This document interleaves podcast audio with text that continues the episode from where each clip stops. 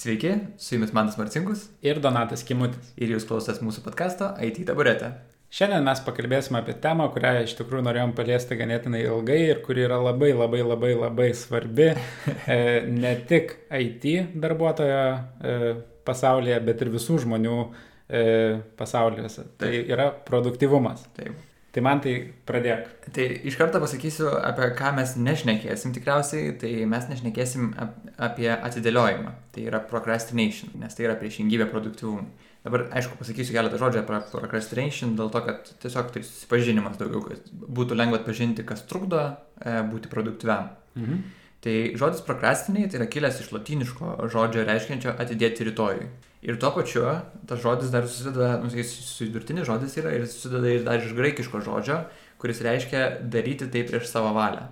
Tai yra likti prieštarauti sveikam protui. Mhm. Na ir liktais panašu, kai tu atidėlioji dalykus arba atrodo, kad tingi, bet tai nėra tingėjimas, vėlgi dar pasikartosiu. E, ir tu atidėli, atidėli rytoj, nors turėtum iš tikrųjų šiandien padaryti. Pavyzdžiui, bėgiojimas ir panašiai. Nu, rytoj. Arba pradėsi sportuoti pirmadienį. Story of my life. Tai, bet esmė, kad atidėliojimas tai yra tiesiog blogos nuotaikos padarinys. Ir kai mes esam blogos nuotaikos, tai mūsų smegenys yra linkusios daryti kažkokius sprendimus, nu, priimti sprendimus, kurie mums palengvina tą blogos nuotaikos e, prieimimą arba mes bandom pasigerinti savo nuotaiką. Tai mes esam apdovanojami, kai darom kažkokius nenaudingus dalykus nu, ir mes mm. atidedam kažką svarbaus kitai dienai. E, todėl, kai tada, iš esmės tai tas nieko neveikimas e, tokį sukuria e, arba atidėliojimas sukuria tokį circular, e, kaip čia, e, ciklišką e, arba chronišką ciklinį atidėjimą. Tai yra labai blogas e, e, įprotis, kuris gali atsirasti, kai tu ati- atidėlioji ištisai. Ir esmė tikriausiai, kad, nu, kad tai nėra kažkas, tai tai nėra susijęs su produktyvumu, tai yra su tavo bloga nuotaika ir iš tikrųjų reikėtų galvoti, ką daryti su tom. Tai ką daryti su tom, mes pridėsim tikriausiai į kur jūs klausotės, į aprašymą du straipsnius. Vienas iš jų yra e, New York Times, e, kur yra Why you procrastinate, it has nothing to do with self-control. Ir BBC yra Why procrastination is about managing emotions, not time. Tai vat, grinai priešingai, kas yra produktyvumui. Bet mes kalb- kalbam apie produktyvumą šiandien ir norim pasidalinti šiek tiek į savo patirtim ir daugiau tokiam bendrom mintim apie tai. Tai tu matai? Tai produktyvumas turbūt yra, jeigu taip apibrėžimą skaityt, e, ką man tas yra parašęs, tai efektyvumą įverti žmogaus, kuris e, atliko užduotį ir reiktų paminėti, kad tai nėra, a, tai, tai nereiškia, kad tu turi atlikti daugiau dalykų, bet turi atlikti užduotis pastoviai e, ir efektyviai ir gerai, ne? Jo. Tai turbūt pereikim prie kažkokių galbūt patarimų ir pradėsim nuo tokių labiau psichologinių patarimų. Tai man tai pirmasis patarimas būtų koks. Taip, pirmasis patarimas būtų stebėti, kada esi energingiausias. Tai čia tas, e, kai esi naktinė, da- pelėda arba vidurys, kaip sako, tai tą pastebėti iš tikrųjų labai naudinga. Tai yra, kada tu ar ryte, per pietus, ar vakare. Ir tada reikia ne tik tai atkreipti, kada tu esi produktyvus, bet pri- priskirti tam tikras užduotis e, tam tikram laiko momentui. Tai pavyzdžiui, iš savo patirties e, aš esu produktyviausias, žinau, kažkur tai nuo 9 ar nuo, gal nuo pusės 9 maždaug iki 11 ir tada nuo kažkur tai 2 iki 4. Tai yra Mhm. mano toks produktyvumo, kur aš tikrai esu pykęs savo Taip. ir jaučiuosi gerai ir galiu padaryti daug dalykų, iš tikrųjų svarbu. E, prisimenu, kad Mindaugas, kuriuo mes įkalbinom, irgi visą laiką pastaruoju metu teko su juo pakankamai daug padirbėti, tai jisai visą laiką tokius aptarimo mitingus visą laiką norėdavo daryti kokią penktą, kai jis yra mažiau produktyvus ir jis tą jaučia labai ir labai aiškiai komunikuodavo, kas būdavo fain. Tu donatai kada? Mm, Aš turbūt irgi ryte, aš galbūt sakyčiau, jeigu atsikeliu, jeigu atsikeliu, tai nuo, nuo kokių pusę devinių. i- O tu sakai nuo pusę devinių? Ne, aš jau jeigu atsikeliu, tai aš atsikeliu pusę septynių, aš septintą. Jo, jo, bet o, tavo, nu, žodžiu. Tai aš nuo, irgi sakyčiau, kad kažkur nuo pusę devinių atsikeliu. iki, Mhm. iki, iki pietų, tik man tas laikas šiek tiek e, galbūt ir nelabai tinkamas, aš sakau jį dėl to, kad yra buvę tokių laikų, kai tuo metu nebūna kažkokių mitingų, dažniausiai rytais būna stand-upai. Mhm. Bet esu pastebėjęs save irgi, jeigu būna labai laisva antra dienos pusė, tai tu turi šiek tiek padirbti galbūt su savim, e, pamastyti apie kažkokį tai užduotį, kurią darysi ir tada įsivažiuoji. Ir vat, antroji dienos pusė negalėčiau skirti iš tikrųjų vieno laiko, čia happens kartais, Mhm. bet nėra nedažnai. Mhm. Aišku. Tai va, e, sekantis tada patarimas būtų planuoti savo darbus iš vakaro ir nusistatyti tai, ką, ką, ką reikės daryti. Ir, ir čia iš tikrųjų labai įdomus patarimas, nes žmonių pasąmonė visada veikia ir, ir jeigu jūs neapsibriešit, ką jūs norit pasiekti rytoj, e, rytojaus dieną, tai jums ta, tai pasąmonė tiesiog suksis bet kuriuo atveju ir tai neleis nei išsimiegoti ramiai. Mhm. E, ir tai beje leis jums taupyti kažkiek laiko ir e, rytoj, taip, sekančią dieną. Uh, su tuo šiaip susijęs yra uh, Ivy Lee metodas, kurį mes paminėsim, nes grinai apie tai mm -hmm. jis yra. Tai va, ar, ar darai taip man tai? E, šiaip ne. E, nu kaip, aš stengiuosi, ką ir mes paminėsim iš tikrųjų e, bet nu, gal grįžkim prie to, nu kaip čia. Aš stengiuosi vietoje užsirašyti, kad mano smegenyse neliktų tos informacijos, tam, kad nereiktų paskui prisiminiau, ką reikia dar padaryti. Nu, tai stengiuosi to nedaryti, tai pas manęs dažniausiai būna jau sudėta, aš asmeniškai naudoju Trello ir susidėdu taskus, kuriuos mm -hmm. aš mhm. turiu pasidaryti ir juos ten stumdau savo asmeniškai. Toks dvigubas Jira, Trello ir dar visokių kitokių A. listų.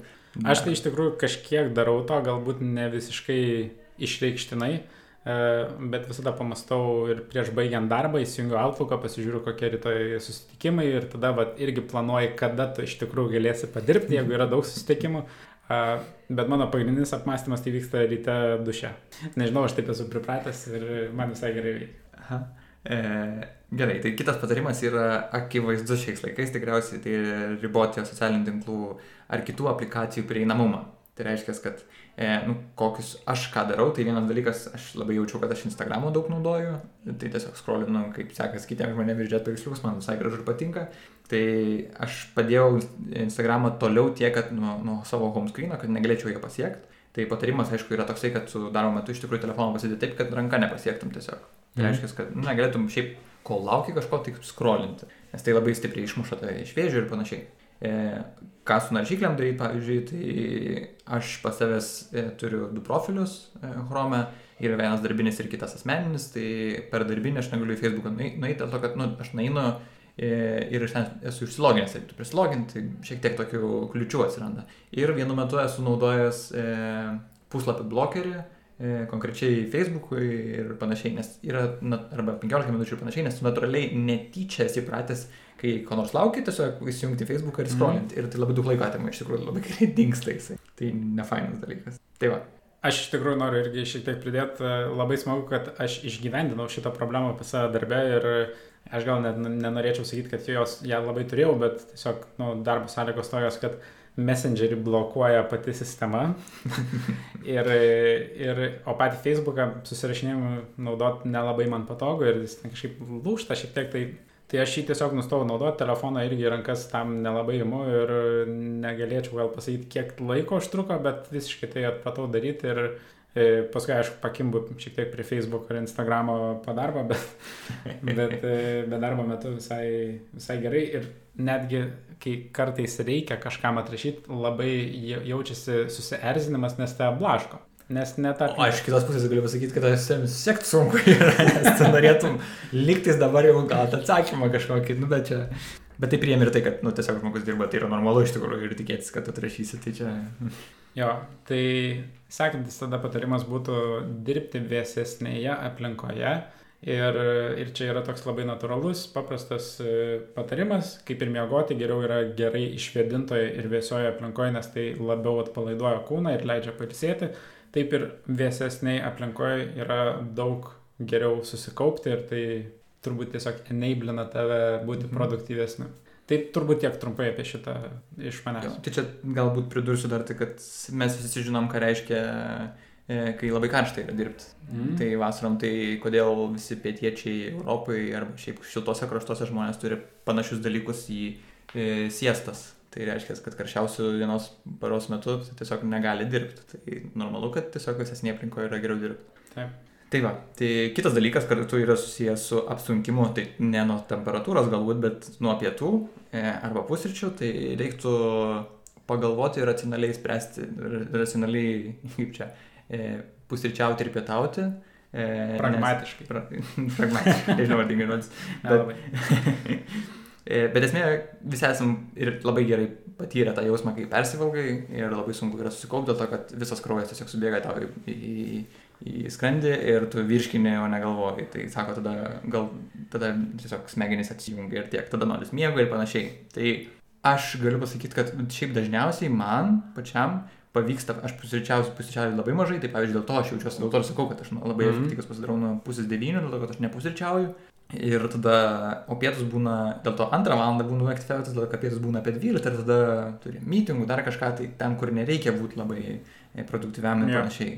Tai va, o tu? Uh, nu, aš pusryčiauju irgi šiaip lengvai, e, gal dėl to aš rytą irgi gerai, geriu daug kavos, nedaug du. E, bet tikrai žinau tą jausmą, kai suvalgai du cepelinus ir grįžęs norėtum šiek tiek pasnausti. Bet iš tikrųjų čia turiu galbūt ir vieną patarimą iš to savo blogo įpročio geriau užvalgyti per pietus. Tai dažniausiai valgymas neužtrunka valandos laiko, kas yra oficiali tavo pietų pertrauka, nu ir šiaip čia apie oficialumą galima šnekėti, nešnekėti, nu, dažniausiai lankstus grafikas. Tai labai geras dalykas yra nueiti pažaisti kokį stalo tenisą arba stalo futbolą, kuris šiek tiek tave prokrutina ir tavo virškinimą turbūt pagerina.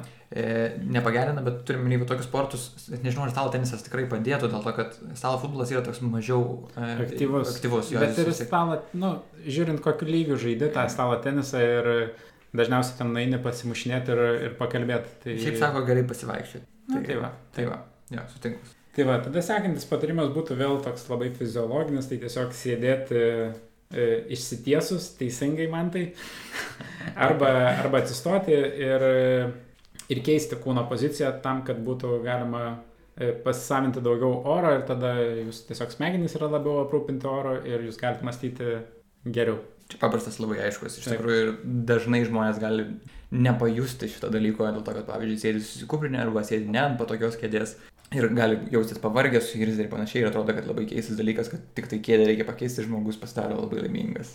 Dėl to tiek daug ofisų žmonės kreipia dėmesio į kėdės, ant kurių sėdi programuotojai. Šiaip. Tai va. Tai kitas dalykas, ką Donatas jau minėjo savo pavyzdžiu, tai yra susikurti kažkokį psichologinį apšilimą prieš pradedant dieną. Donatas minėjo, kad jis turi dušą, kur pagalvoja, apie ką veiks dieną. Tai yra šiaip tokia gera apgavystė e, smegenim, kad žinotų jos, jog dabar darbas prasideda. Tai reiškia, įpratinti, kad po to e, tokio kažkokio veiklos, pavyzdžiui, gali būti įstiklinės, vandens atsigėrimas grinai prieš darbą ir panašiai, tai tiesiog padarai tokį nesalinį refleksą, kad smegenys galvoja, kad dabar jau darbo režimas ir mes turim susikaupti. Tai va, tai čia labai naudingas dalykas ir galima šitą pritaikyti ne tik tai bet kokiam produktyvumui, bet pavyzdžiui, sportui ir panašiai. Tai tu smegenys gali, jeigu negali pradėti priversti tavęs bėgioti, tai pirmas dalykas, kurį tu sako, kad reikia padaryti, tai apsimaut batelius arba apsirengti bėgimo aprangą. Ir tada gal jau smegenys būna tokios, nu, jau apsirengiau, važiuojam, tik to. Mm. Tas e, tingumas, tai tiesiog pas, pasiverčia, persiverčia. Tai va. Gerai, tai turbūt galim dabar pereiti prie, prie mažiau psichologinių dalykų ir prie labiau praktinių dalykų, kurie mm. yra galbūt labiau svarbus su IT susijusiems žmonėms. Ir pirmas iš tokių dalykų yra nu, vienas iš pagrindinių, turbūt ir kiekvieno žmogaus su, sutinkamas, tai yra dėmesį blaškantis dalykai. Ir čia turbūt telpa labai daug dalykų, bet visų pirma, tai yra visi notifikationai, kurie iššoka ekrane. Tai yra tie gautas e, žinutės per jūsų naudojamą komunikacijos įrenginį, ar tai būtų Slackas ar Messengeris ar kažkas, e, Outlook ar Gmail elektroniniai laiškai ir net iš tikrųjų tiesiog fiziškai prie žmogus. Mhm. Ir, ir turbūt ne vienas esat matę tą e, mimsą, kur sėdi programuotojas ar kažkoks algoritmų rašytojas ir kuria po truputį planą, kaip kažką padarys ir tas planas vis didėja, didėja galvoj. Ir tada kažkas pro šoną tiesiog eina ir pasako, hei, ir viskas sproksta. Tai iš tikrųjų, kai kuriems žmonėms yra panašiai, kai kurie išmoksta save išjungti iš, iš to ir net nelabai girdi ir tas nevyksta, e, bet kai kuriem e, paskui netgi iki 15 minučių trunka grįžti į tą... Net esu skaitęs iki 25, kad jo. pilnai įsijungti darbinę atmintį, tą, kur buvo tau susirinkti informaciją, programavimas toks dalykas, kur daug informacijos laikai, to darbinė atmintį, kur tau prisiminti reikia. Ir, ir aš turbūt trumpai dar galiu iš savo patirties mm. pasakyti, kad aš tai esu labai lengvai paveikiamas šito dalyko, e, galbūt ne visada, bet ypač kai rašau laišką, tarkim, ir turiu kažką mintį, e, jeigu man, manęs kažkas paklausia, aš galiu net neatsakyti ir bandyti toliau rašyti, bet man viskas pasąmoniai tas klausimas sukasi ir jau aš noriu atsakinėti ir tada pametu mintį, susinervinu ir tada nebežinau, ką daryti, ar atsakyti, ar toliau rašyti laišką. Kaip tau man tai?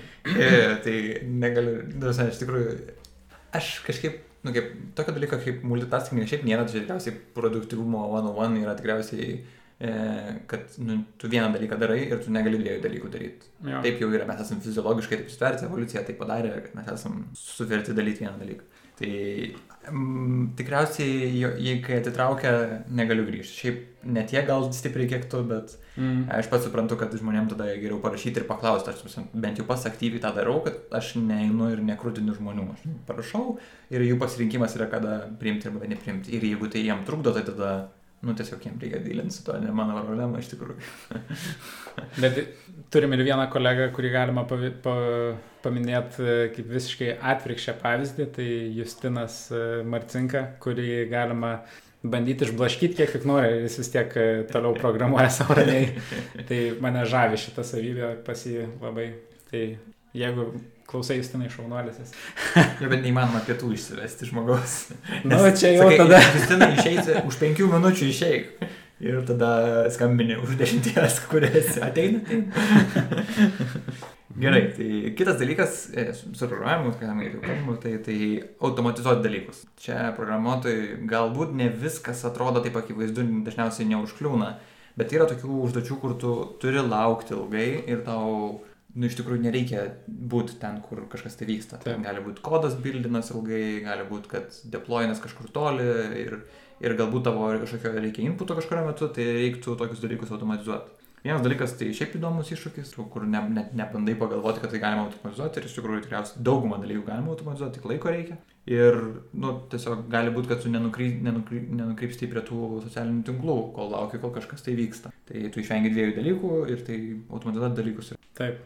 E, ne, neatsimenu, ar per eiti taburetą kalbėjom ar ne, bet vienas iš įdomiausių dalykų, kuriuos girdėjau, kad e, programuotojas automatizavo, tai kavos aparatą.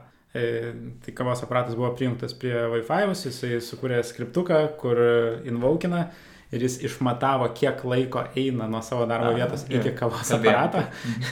ir tada, kai padeda kavos, ant kavos aparato padelį, iš karto jam pradeda daryti kavą. Tai. Labai geras. Mm. Bet to produktyvumas. Gal biškai per daug, bet. jo.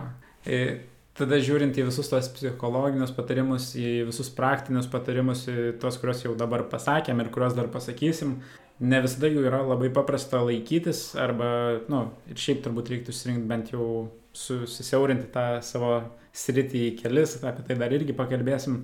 Bet e, dažnai tiesiog net ir laikantis vieno iškyla kažkokių klausimų arba nuopolių, kai nori nebesilaikyti to. Tai dėl to mhm. labai gerai yra susirasti kažkokį mentorių, kuris turi daugiau patirties už tave e, produktyvumo sferai ir su juo pasikonsultuoti. Nes e, žmogiškas ryšys vis tiek yra geriau nei vien tik teorija. Teorija irgi gerai, bet to tas irgi yra būtina. Tai aš dar pridėčiau galbūt, kad ne tik tai mentorius kažkoks yra labiau patyręs žmogus, bet gali būti ir toks pat nu, patyręs kaip ir tu, sparingo partneris, bet koks žmogus iš tikrųjų, kuris tau gali suteikti e, kažkokių nu, įkvėpimo, pavadinkim, nes kai kurie žmonės yra tiesiog nuostabus, kad sugeba tam tikrą dalyką, tik tai galbūt jie nesuvokia to, kad gali pasidalinti tokią informaciją ir ką jie daro. Mm. Galbūt tai nėra akivaizdu, galbūt jie dirbo prie to ir stengiasi pasiekti tam tikrų dalykų, nu, produktyvumo tam tikro lygio. Tai va. Tai kitas dalykas, e, kas yra man taip artima širdžiai, tai e, labai svarbu yra e, refaktorinti savo kodą. E, tai ta, du dalykai. Refaktorinti savo kodą ir rašyti dokumentaciją. Tai tokie kodo, kaip čia produktyvumo e, tipsai. Bet tai, man tai visi šitie dalykai užtrunka laiko, tai neproduktyvu. Tai šiaip atrodo iš tikrųjų neproduktyvu, bet vienas dalykas, kas labai padeda ir kas taupo ne tik tai tau laiko po šešių mėnesių, kai tu grįžti prie savo kodo, Bet, e, nu, ir tu dažnai sakai, net iš viso gali net, net pažinti, kad tu rašai tą kodą, nes atrodo tiesiog keista. E, bet, ar yra nutikę taip? E, jo, šiaip tai yra, atsidarau ir net nežinau, ar aš parašiau ar ne, bet atrodo, kad gal ne aš, paskui supranti, kad, o, oh, aš. Yeah, Turbūt visiems yra. Yeah, gitvilėjimas labai blogai. tai, tai, tai sutaupo to dalyko savo laiko taupai. Ir dar vienas dalykas yra, tu taupai kitų žmonių, kuriems laiką, kur, kurie ateis žiūrėti tavo kodą, vienas dalykas kur jeigu sudėtingos funkcijos parašytos ir jeigu dokumentacijoje yra parašyti tam tikri schemos nupieštos ar panašiai, tai jos sutaupo ir jų laiką, kurie gali paskui, nu, pavyzdžiui, paskutiniai pavyzdžiai buvo tokie, kur aš piešiau flows ir žmonės paskui iš to developino. Mm. Ir, Mhm. tarsi, man klausimų nebuvo, man pačiam asmeniškai niekas neklausė manęs, bet tiesiog flows buvo supieštas pakankamai aiškiai, tai galėtų dirbti žmonės ir su, suvokia, kaip sistema veikia, kuri dar net neturėjo veikti iš tikrųjų. Mm. Tai va, tai Nu ir šiaip turbūt, jeigu tu refaktorini savo kodą, tai tu gerini plečiamumą ir tau ateityje tie darbai Taip. daug greičiau pasidarys. Čia yra, tarp kitko, vienas iš geresnių e, pardavimo būdų bizniui refaktorinimo taskų. Tai jeigu kažkam reikia, naudokit. Nėra už ką. E, judam prie sekančio, Aha. turbūt. Tai Taip. sekantis yra irgi labai svarbus ir e, turbūt labiausiai man e, aktualus dalykas šiuo, šiuo bent jau metu. Tai yra, kad reikia susivokti, kad jūsų elektroninio pašto dėžutė nėra darbų sąrašas, jinai yra elektroninio pašto dėžutė, į kurią yra sudedami laiškai. Ir jūs juos tada pasižiūrit, kaip man tas minėjo prieš tai tuo metu, kai jūs norit ir kai galit. Ir iš tikrųjų ke, keliuose net straipsniuose yra minima, jog reikėtų atėjus į darbą pradžioj nepulti atsidaryti savo elektroninio e, pašto dėžės ir tikrinti, kas ten yra parašyta, nes tai nėra svarbiausias dalykas, ką jūs darot. Galbūt kai kuriems žmonėms yra, didžiai daliai programuotojų turbūt nėra. Tai, tai šitas yra labai svarbus dalykas, nes tada jūs savo koncentraciją ir savo tikslus galite keisti ir, ir taip yra sunku, daug sunkiau koncentruotis ant e, jūsų pirminių tikslų. mhm. Tai bent jau man šitas dalykas šiuo metu visiškai nepavyksta ir e, dėja, bet reikia to labai daug skausmo girdžiu tavo žodžius. Jo nemažai ir yra. Aš dar pridėčiau tikriausiai, kad ir slekas tikriausiai yra tokia pat pašto dėžutė, kur irgi tikriausiai jas reiktų vengti kiek įmanoma ilgiau, jeigu planuoji kažką pasidaryti. Nes ten irgi tikriausiai dažniausiai vyksta diskusijos, kurios yra offline, tai reiškia, kad kas, kad kada nori, tada parašo. Jo, turbūt apskritai reikėtų, ne, net nereikėtų, reikėtų, reikėtų, Reikėtų.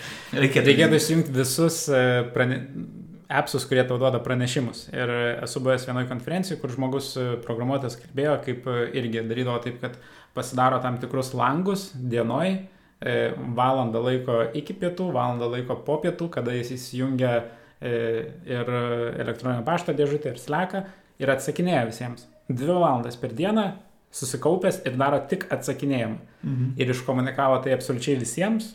Nu ir niekas negalėjo ant jo pykti. Aišku, ten jis pasakojo, kaip e, ir pyko, ir e, reikėjo visą tą kultūrą keisti. Ir, e, ir jis turėjo tiesiog vieną ekskuzą, kad jeigu kažkas labai labai svarbaus, skambinkit man. Tai, tai nu, turbūt įmanoma tą pasidaryti, bet labai sudėtinga. Ir, Mhm.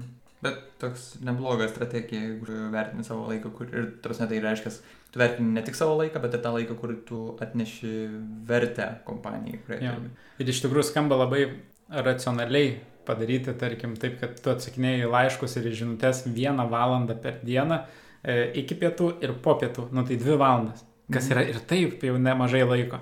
Bet, nu, to neužtenka matyti daugumai Mhm. žmonių. E, gerai, tai kitas dalykas, toks einant nuo laiškučių skausmo, e, labai svarbu yra išmokti savo editorių.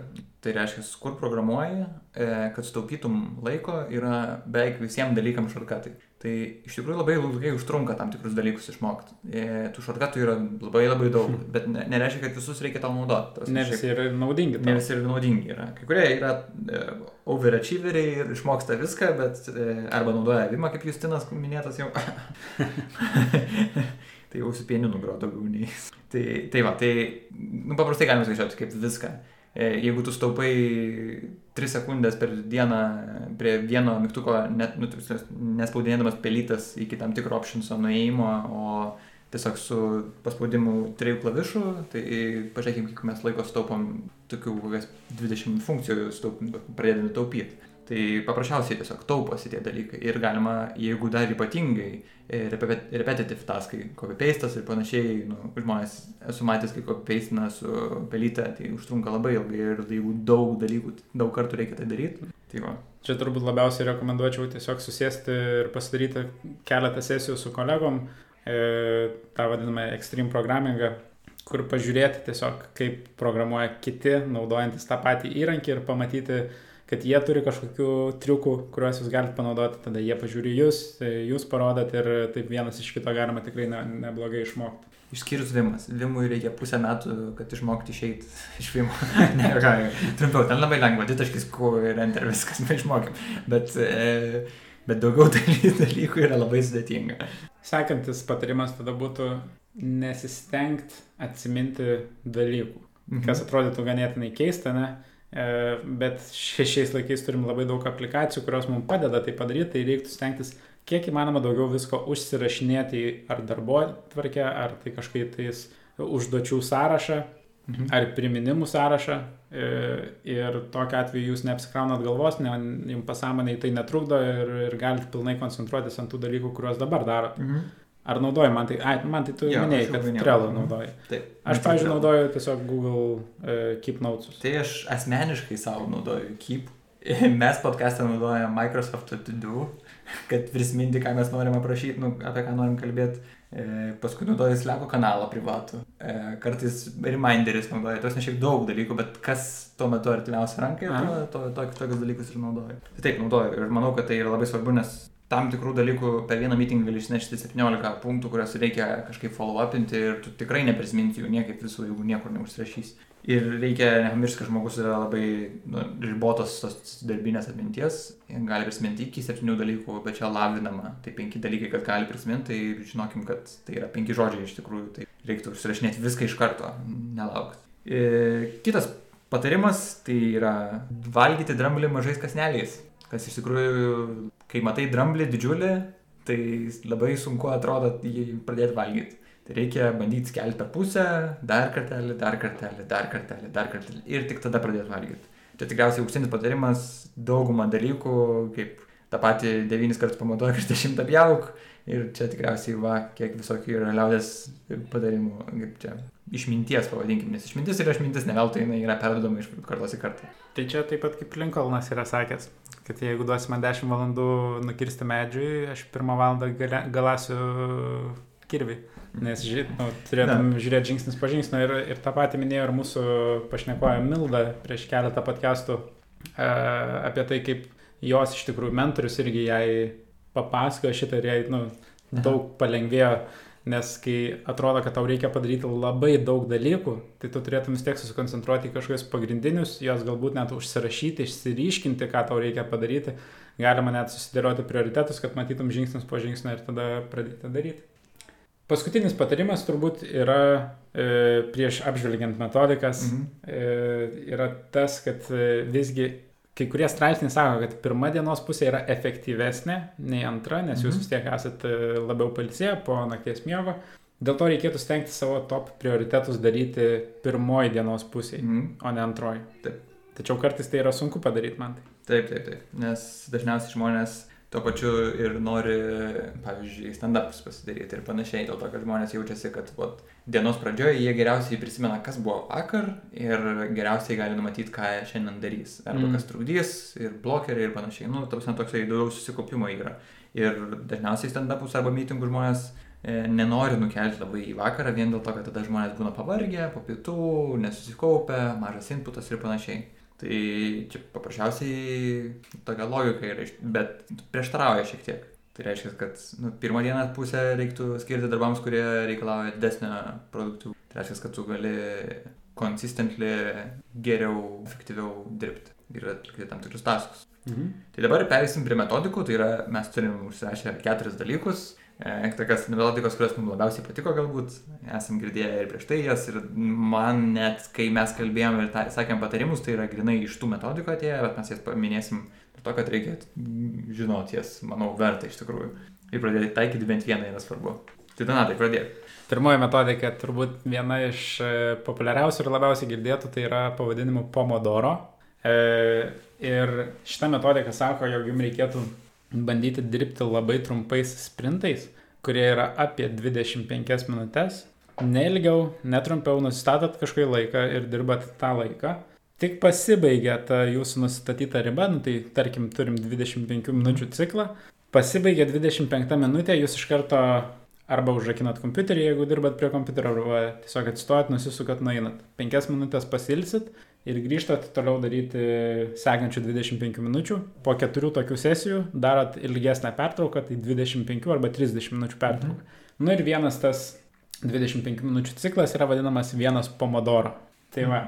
Ir kodėl yra šitas, šita technika ir metodika populiari ir kodėl jinai gera, tai iš tikrųjų dėl to, kad jinai nu, šiek tiek leidžia išmatuoti tą darbą, kurį jūs galit padaryti, nes jūs 25 minutės nepertraukiamai turit kažką visgi daryti. Tai jums leidžia suvokti, kiek jūs laiko darot, nes kartais, kai tu šiek tiek darai, šiek tiek e, šnekiesi su kažkuo, šiek tiek kažkas tavęs klausinėja, tai labai sunku tą pamatuoti, mm -hmm. kiek tu per dieną iš tikrųjų gali padaryti. Tada jūs e, treniruojatės kažkiek laikyti susikaupimą vienam taskui ir vienai užduočiai. Ir kai žmogaus smegenys pripranta tai daryti, tai jūs būna daug labiau susifokusavę ir tos 25 minutės, e, jos kad ir yra trumpas laiko tarpas, bet jūs tiksliai žinot, ką jūs per jas norit padaryti, o jeigu ir nežinot, tai jūsų galbūt pirmas pomodoro gali būti susiplanuoti, ką darysit per sekančius pomodoro mm. ir tai nėra nieko blogo ir čia netgi yra viena iš strategijų, kaip reikėtų pradėti tai daryti. Tačiau šita metodika nėra be jokių downside'ų, tai downside'ai žinoma irgi yra tokie, kad e, jums reikia turėti kažkokią kontrolę ir tos kontrolės gali būti per daug, tai 25 minutės yra pomodoro oficialus berots e, oficiali rekomendacija, nebūtinai tiks jums. Galbūt jūs paskui galėsit, nebegalėsit kitų dalykų daryti be pomodoro, o tai gali kitiems žmonėms. Ir, ir žinoma, pomodoro yra labai sunku implementuoti tame vadiname open space arba šiaip tiesiog IT pasaulyje, nes jau kalbėjom apie visus notificationus, tai reikia išmokti e, dylinti su tais interruptionais ir trukdžiais visokiais. Mhm. Ir tai padaryti tikrai nebus lengva, Ir Pomodoro viena iš dalykų, kurių sako, kad jeigu tu esi sutrikdytas Pomodoro sesijos metu, tu turi pradėti laiką iš naujo. Net jeigu tai buvo tavo 23 minutė iš 25, mm. tu setin laiką į nulį ir pradedi iš naujo. Tai tu gali net nepabaigti vienos Pomodoro sesijos. Nu, bet jeigu tu užbaiginėsi ją, tai tu nebusi kaip ir, nu, nesilaikysi iki galo ir galbūt nepatirsi to tikrojo džiaugsmo. Mm. Tai va, bet e, jeigu žiūrint iš Pomodoro e, prieš, priešininkų pusės, kur, kurie sako, kad galbūt ir nėra labai geras e, šitas dalykas. E, tai yra tokia metodika vadinama flow. Aš nežinau, ar čia metodika, ar čia yra būsena, e, kaip tai reikėtų apibūdinti. tai iš tikrųjų flow yra e, toks reiškinys, kai žmogaus, e, kai užduotis, kurią atlieka žmogus, e, pilnai jos sudėtingumas atitinka to žmogaus smegenų E, capacity, tai tą pajėgumą vadinamą. Aha. Ir tada tu esi pilnai susikoncentravęs į užduotį, tau laikas pradeda bėgti labai greitai, tu to net nepastebi, e, tau nepasidaro nuobodu, nes užduotis yra pakankamai sudėtinga, tu nesusierzini dėl to, kad užduotis yra tau pakankamai su, nu, per daug sudėtinga. Ir iš esmės, kai taip vat, atitinka, tai tu esi to, to stadijoje, kai tavęs geriau netrukdyti ir tada tos 25 minutės visiškai doesn't make sense, nes tu patenki į flow turbūt tik tai po kokios pirmos valandos, o paskui jau gali kokias net 5, 6, 7 valandas dirbti ir yra daryti tyrimai su žmonėms, tai tokie žmonės net e, nepajaučia, jog nenueina nei atsigerti, nei į tualetą, nei pasikrūtina per daug. Jie tiesiog būna taip susifokusavę ir labai labai greitai laikas prabėga ir žinoma produktyviai. Ja, tai apie tą patį fenomeną tai kalba ne tik tai programuotojai ar žmonės, kurie dirbo tokį darbą, kur reikia susikaupti, bet pavyzdžiui ir sportininkai, ir krepšinio varžybas, sako, nu, žaidėjai patenka į flow ir nebemato, iš tikrųjų jaučia tik komandą ir viskas, daugiau nieko. Klač. Ja. tai šiaip tai nostalgiškai prisimenu tos ir dabar prisimenu, va, ne, ne tai, kad labai senai tai buvo, bet aš turiu menį, kad tie momentai tokie malonus yra, kad iš tikrųjų e, darai kažką tai ir paskui sako, reikia atsistoti, sako, valgyti reikia, ir pasižiūrėjau jau keturias valandas, o atrodo, sėdai devintą, nu, prasme, atrodo, taip visiškai net ne, negalvoja apie tai ir net nebuvo iškilusių minčių, kad, nu, valgyti norėčiau ar kažką tai. Tai va, tai dabar tęsim su kita metodika, tai Eisenhower dėž, dėžutė, tai yra produktyvumo technika, e, kaip išsiskirti e, savo tikslus arba taskus, kuriuos tu nori pasidaryti. Tai paprastai iš tikrųjų dėžutės sudaro, tai yra piešiamas kvadrat, kvadrantas iš keturių, e, kaip čia, iš stulpelių e, yra išskirstoma užduotis į skubes ir neskubes ir svarbes ir nesvarbes. Ir tada sudaro kvadratas iš to, e, kvadrantai, tiksliau. Ir kas atsitinka? Tai kai tu turi užduotis, kurios yra svarbios ir skubios, tai tu tas užduotis turi, kai jas suskirsti savo tas užduotis, tai tu jas turi padaryti tučto jau dabar. Tai čia toks logiškas, neskubęs ir labai svarbios. Tada jeigu tu gauni užduotis, kurios yra svarbios, bet neskubios, tai tu galvoji, kaip jas atidėti toliau, kad galima būtų padaryti. Tai reiškia, sudėlioji savo planą, rytoj, poryt ar panašiai, aš padarysiu, prieisim, darysim iš naujo turbūt kvadrantą, ar tai pasidarė skubu ar ne. Mhm. Tai galima atidėti. E, tada yra įdomesnė dalis to kvadranto, tai yra, kai yra nesvarbios, bet skubios. E, tau nesvarbios asmeniškai, ir, bet, bet yra labai skubios. Tai ką reikia tada daryti, tai reiškia, reikia deleguoti. Taip, kad kitam žmogui būtų svarbu ir jisai galėtų apsimti pilnai tuo dalyku, kurį darys. Tai va, tada kitas paskutinis yra, kur yra kažkokios užduotis, kurias tu turi galvoje ir kurias atrodo reiktų pasidaryti, bet jos yra nei svarbios, nei skubės, tai reikia sugalvoti, kaip jas eliminuoti. Tai reiškia, nedaryti jų ir nebegalvoti apie tai. Tai pavyzdžiui, žiūrėti televiziją, tikrinti socialinius tinklus ir panašiai. Mm. Tai va, tai čia iš tikrųjų e, Dwighto Eisenhower prezidento e, technika, kuris save darydavo produktyvesnių, jisai va taip išskirstydavo tuos. Čia pliusų minusų nėra, tai tiesiog yra prioritizavimo daugiau mažiau technika ir tiek. Sekanti metodika tuomet būtų Warreno Buffeto sąrašų strategija, taip ją mhm. galima turbūt pavadinti. Ir, ir, ir Tai yra labai paprasta strategija, e, yra blogpaustas, kurį gali paguglinę rasti pagal šitą vardą. Ir pati strategija yra tokia. Reikia įsirašyti savo top 25 karjeros e, tikslus. tikslus. Mhm. Nežinau, lietuviškų žodžių. E, išsirašai tos tikslus ir, ir tuomet e, pasižiūrėsi tą sąrašą, turi apibraukti penkis, kurie yra tau patys patys svarbiausi. Aha. Nu, tai čia kažkiek turbūt laiko užtrunka, nes vis tiek, kai rašai... Tai užsirašyti 25 tikriausiai. Jau ir už, jo, užsirašyti. Galimai tu užsirašysi jau pagal prioritetą, bet labai įdomu pamatyti, ar tu ir apibrauksi pirmus penkis ar ne. Ir jeigu jūs bandysit daryti šitą pratimą, tai pasitenkite iš tikrųjų pamastyti ir, nu, nuoširdžiai daryti, kitaip gali ir nesuveikti. Tai ir po to apibraukimo jūs turite du sąrašus. Penkių apibrauktų ir dvidešimties neapibrauktų dalykų savo karjerai. Tai kai darė šitą eksperimentą pats Buffetas, jis paklausė žmogaus, kuris sudarė tokį sąrašą, ką tu darysi su tais savo likusiais 20, nes tie penki ryškiai yra svarbiausi ir tu turėtum koncentruotis juos dabar. Ir žmogus pasakė, jog, nu, jo, aš ant jų dabar nedirbsiu, bet pakeliui, darydamas tuos pirmus penkis, aš juos įterpsiu ir šiek tiek e, padarysiu, padarysiu jo, pasiekti. Mhm. bandysiu pasiekti. Tai vad Buffetas pasakė, jog tu turėtum pamiršti, jog tokie egzistuoja šiuo metu ir pats blogiausias dalykas, ką tu galėtum daryti, tai koncentruotis ant kažkurio iš, to, iš tų dvidešimties, kol dar nepadarai pirmų penkių. Taip. Ir kodėl taip yra? E, nes tie 20 iš tikrųjų patampa tada jau tavo nebe tikslais, o e, distractionais, trukdžiais, kurie mm. tau trukdo efektyviai ir produktyviai pasiekti tavo top 5 tikslus. Labai gera technika, šiaip tai įkvepiančiai skamba. Tokia atrodo tikslinga, labai daug, nu, reiškia, kad turiu iš tikrųjų pakovoti su jam, bet jeigu seksi, atrodo, kad ir pasieksi, žymiai lengviau pasiekti tos penkis dalykus, kuriuos apsibrėžiai. Jo, ir turbūt yra labai sudėtinga, bet taip pat irgi labai teisingai turėtų išryškinti tavo e, siekius, tas eliminavimas. Taip. Dalykų, kuriuos tu kaip ir užsirašiai, kaip galvodamas apie karjeros tikslus, bet jie iš tikrųjų yra tavo trūkdžiai. Mhm. Nu, reikia pasakyti ne tik karjeros tikslai, bet ir šiaip kokie nors užduotis, dar kažkas. Čia turbūt tik kaip pavyzdys. Abstra abstrakcijai. Gerai, kita metodika, jau minėjom, ne kartą persiklojo ir persiklojo tikriausiai, tai Ivy Lee metodas.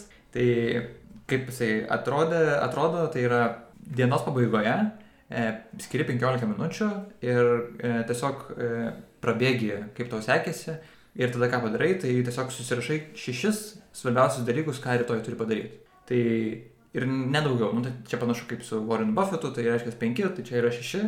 Ir juos prioritizuoji. Mhm. Čia antras punktas, ką turi pasidaryti pagal nu, svarbumą, kaip tau atrodo pats svarbiausias dalykas. Ir tada kitą dieną, kai tu jau esi darbe, tu pasiemi patį pirmą ir darai, kol padarai. Tada antrą, darai, kol padarai. Trečią ir taip toliau. Ir jeigu, pavyzdžiui, taip atsitinka, kad e, tau, nu, tu nespėjai viską padaryti, tai tu dienos pabaigoje iš naujo kuri vėl tą sąrašiuką, vėl šeši dalykai ir tos dalykus gali įsitraukti, jeigu jie yra vis dar svarbus arba ne.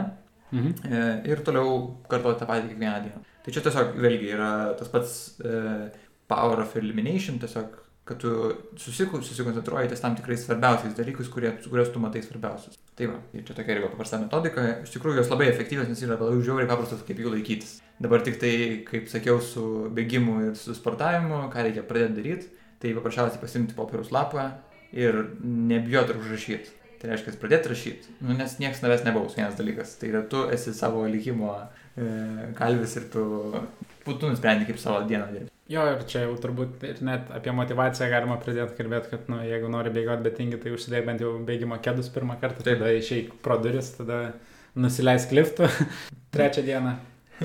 Tai va, turbūt tiek yra apie metodikas, kurias norėjom paminėti. Ir Taip. pačiai pabaigai keletą minučių, nes jau užsitęsėm ne, nemažai laiko. E, norim pasidalinti dar ir savo patirtim, ką esam bandę daryti ir kas pavyko, kas nepavyko. E, man tai tu nori pradėti, ar man pradėti? Tu pradėk. Gerai, aš galiu pradėti ir tada e, galiu pasidalinti vienu dalyku, kurį mes bandėme įgyvendinti savo komandai, tai yra fiziniai e, netrukdymo elementai. Ir, ir iš tikrųjų tas yra svarbu, nes mes galim save užsiblokuoti, kiek tik norim e, išsijungti Outlooką, Slacką, telefoną ir taip toliau, bet sėdama Open Space ir visi gali ateiti ir trukdyti. Paprasčiausiai tas trukdymas yra klausimų, vertingų klausimų, galbūt klausimas, bet tave tai trukdo. Tai ką mes sugalvojom padaryti, tai tiesiog pasistatyti ant savo monitoriaus raudonas vėliavėlės ir raudonas ir žalias vėliavėlės ir e, visais laiko momentais pas tave ant monitoriaus privalo kabėti vėliavėlė, jinai turi būti arba žalia arba raudona, jeigu yra raudona, tai žmogus turi žinot, kad e, tuo laiku tavęs trukdyti negalima. Ir aišku, tada įsivedėm tam tikrų taisyklių, kad negali raudona vėliavėlė stovėti ant tavo monitoriaus daugiau nei x laiko nepertraukiamai. Ar pavyko mums šitą techniką? Ne. Mes turbūt per mažai kultūriškai tai bandėm prapušinti ir... Užtrunka labai daug laiko tikriausiai, visi jo. tokie pokyčiai kultūriniai užtrunka pakankamai. Jo, visiems įprast. Taip pat įsirengėm iš tikrųjų e, tokį vadinamą performance roomą, čia galiu pasidžiaugti, nes aš prapušinau šitą, bet jis irgi nėra labai plačiai naudojamas. Performance roomas tai yra tiesiog vienas susitikimų kambarys, pe perverstas į darbo kabinetą E, kur niekas negali užėjti, jeigu jis yra užbukintas, tai tu ten tiesiog gali ateiti, susikoncentruoti, pasidėti savo kompiuterį, yra docking stationai, įsijungi, dirbi ir niekas tavęs negali trukdyti. Mhm. Tai va, e, sekantis dalykas tada turbūt yra e, tas... Na, aš gal pasakosiu mhm. taip truputį e, apie Meeting Free Days. Šiaip žmonės kultūriškai, šiaip irgi, aišku, vėl kultūros klausimas visą laiką yra tas pirmas, kurį atsakyti turi, bet žmonės taiko šituos dalykus, kai reiškia, kad mes išskiriam dieną, kai mes neturim meetingų ir mes koncentruojamės grinai tą fokusą, savo fokusą, sukoncentruojam tą dieną į tik į darbą, kurį mes turim pasidaryti. Programuotojams tai yra žiauriai svarbu, dėl to, kad nereikia įti mitingus, kurie kai kuriems atrodo beprasmiški, nors dažniausiai tai nėra beprasmybė absoliuti. E, tai va, tai svarbu yra, šiaip tai visai naudinga yra turėti tokias dienas, kai yra laisvo laiko programavimui, tai pavadinkim nuo mitingų. Tai, tai va, mano kompanija šitą dalyką bando, tiksliau daro proaktyviai skatina, darom neturėti mitingų, nors aš trečiadienį turėjau krūvą. Ai, tai trečiadienį yra Aha. meeting free days. Ja. E... Bet tengiasi, mano kalendorius atrodo iš tikrųjų pirmadienį, antradienį, trečiadienį, ketur, e, ketvirtadienį, penktadienį daug labiau užimtas nei trečiadienį. Jo, bet gal tai nėra blogas dalykas. Jo, jo. Tai va. Būtinai sekančiuose podcastuose gausi papasakot, kaip, e, kaip veikia šitas dalykas. Ar visi laikas. Jo, gerai. tai, tai va, ir, ir turbūt šiaip apibendrinant, tai reikėtų žiūrėti netgi mes čia kalbam apie produktivumą, bet tą produktivumą labai sudėtinga pasiekti, jeigu mes ne, ne, neskleidžiam tos kultūros apie produktivumą ir jeigu nesupažindinam kitų žmonių. Mhm. Nes vis tiek mes dirbam tarp žmonių, nebent jūs esat freelanceriai, kurie galbūt dirbat ant e, savų projektų ir, ir neturit būtinai komunikuoti su kažkuo nors turbūt ten dar didesnių problemų kartais iš, ištinka. Bet jeigu jūs pasiklausyt e, mūsų pristatytų metodikų ir patarimų ir, ir jums įdomu būtų jas pabandyti, tai siūlytumėm, e, aišku, pradėti nuo savęs, išbandyti kažką, bet jeigu norit ir darbę, tai bandyti, tai komunikuokite tai savo kolegoms, nes kitaip tai neveiks. Mhm. Tai reiškia, reikia, daug ne, kolegos turi baįninti jūsų idėją. Nereiškia, nebūtinai priimti, bet reiškia, kad jeigu jau jie turi priimti, kad tu renkiesi tą pasirinkimą, tai reiškia, kad jie turi suprasti, kad čia tavo pasirinkimas ir panašiai. Jo, jie nebūtinai turi tą patį. Taip, taip, taip. Čia labai svarbu atskirti ir manau, kad tai dažniausiai žmonėms padeda įsibaininti, kad, o, tu dabar būsi užimtas ir aš žinosiu, kada tu užimtas. Ir taip. Ir galiu tikrai pasakyti, kad iš pirmo karto nepavyks ir kad tikrai bus daug trukdžių, Bet jeigu iš tikrųjų norit pasiekti e, efektyvumą, produktyvumą, kas nėra tie patys dalykai, jeigu norit pasiekti produktyvumą, tai e, siūlom tiesiog bandyti. Jo. Turbūt šiam kartui tiek man tai. Taip, Donatai. Tai ačiū visiems, kad klausėtės, tikimės, kad buvo įdomu, tikimės, kad ką nors įkvėpiam ir pabandysit bent vieną dalyką, kurį papasakojom ir iki kito karto. Iki kito karto.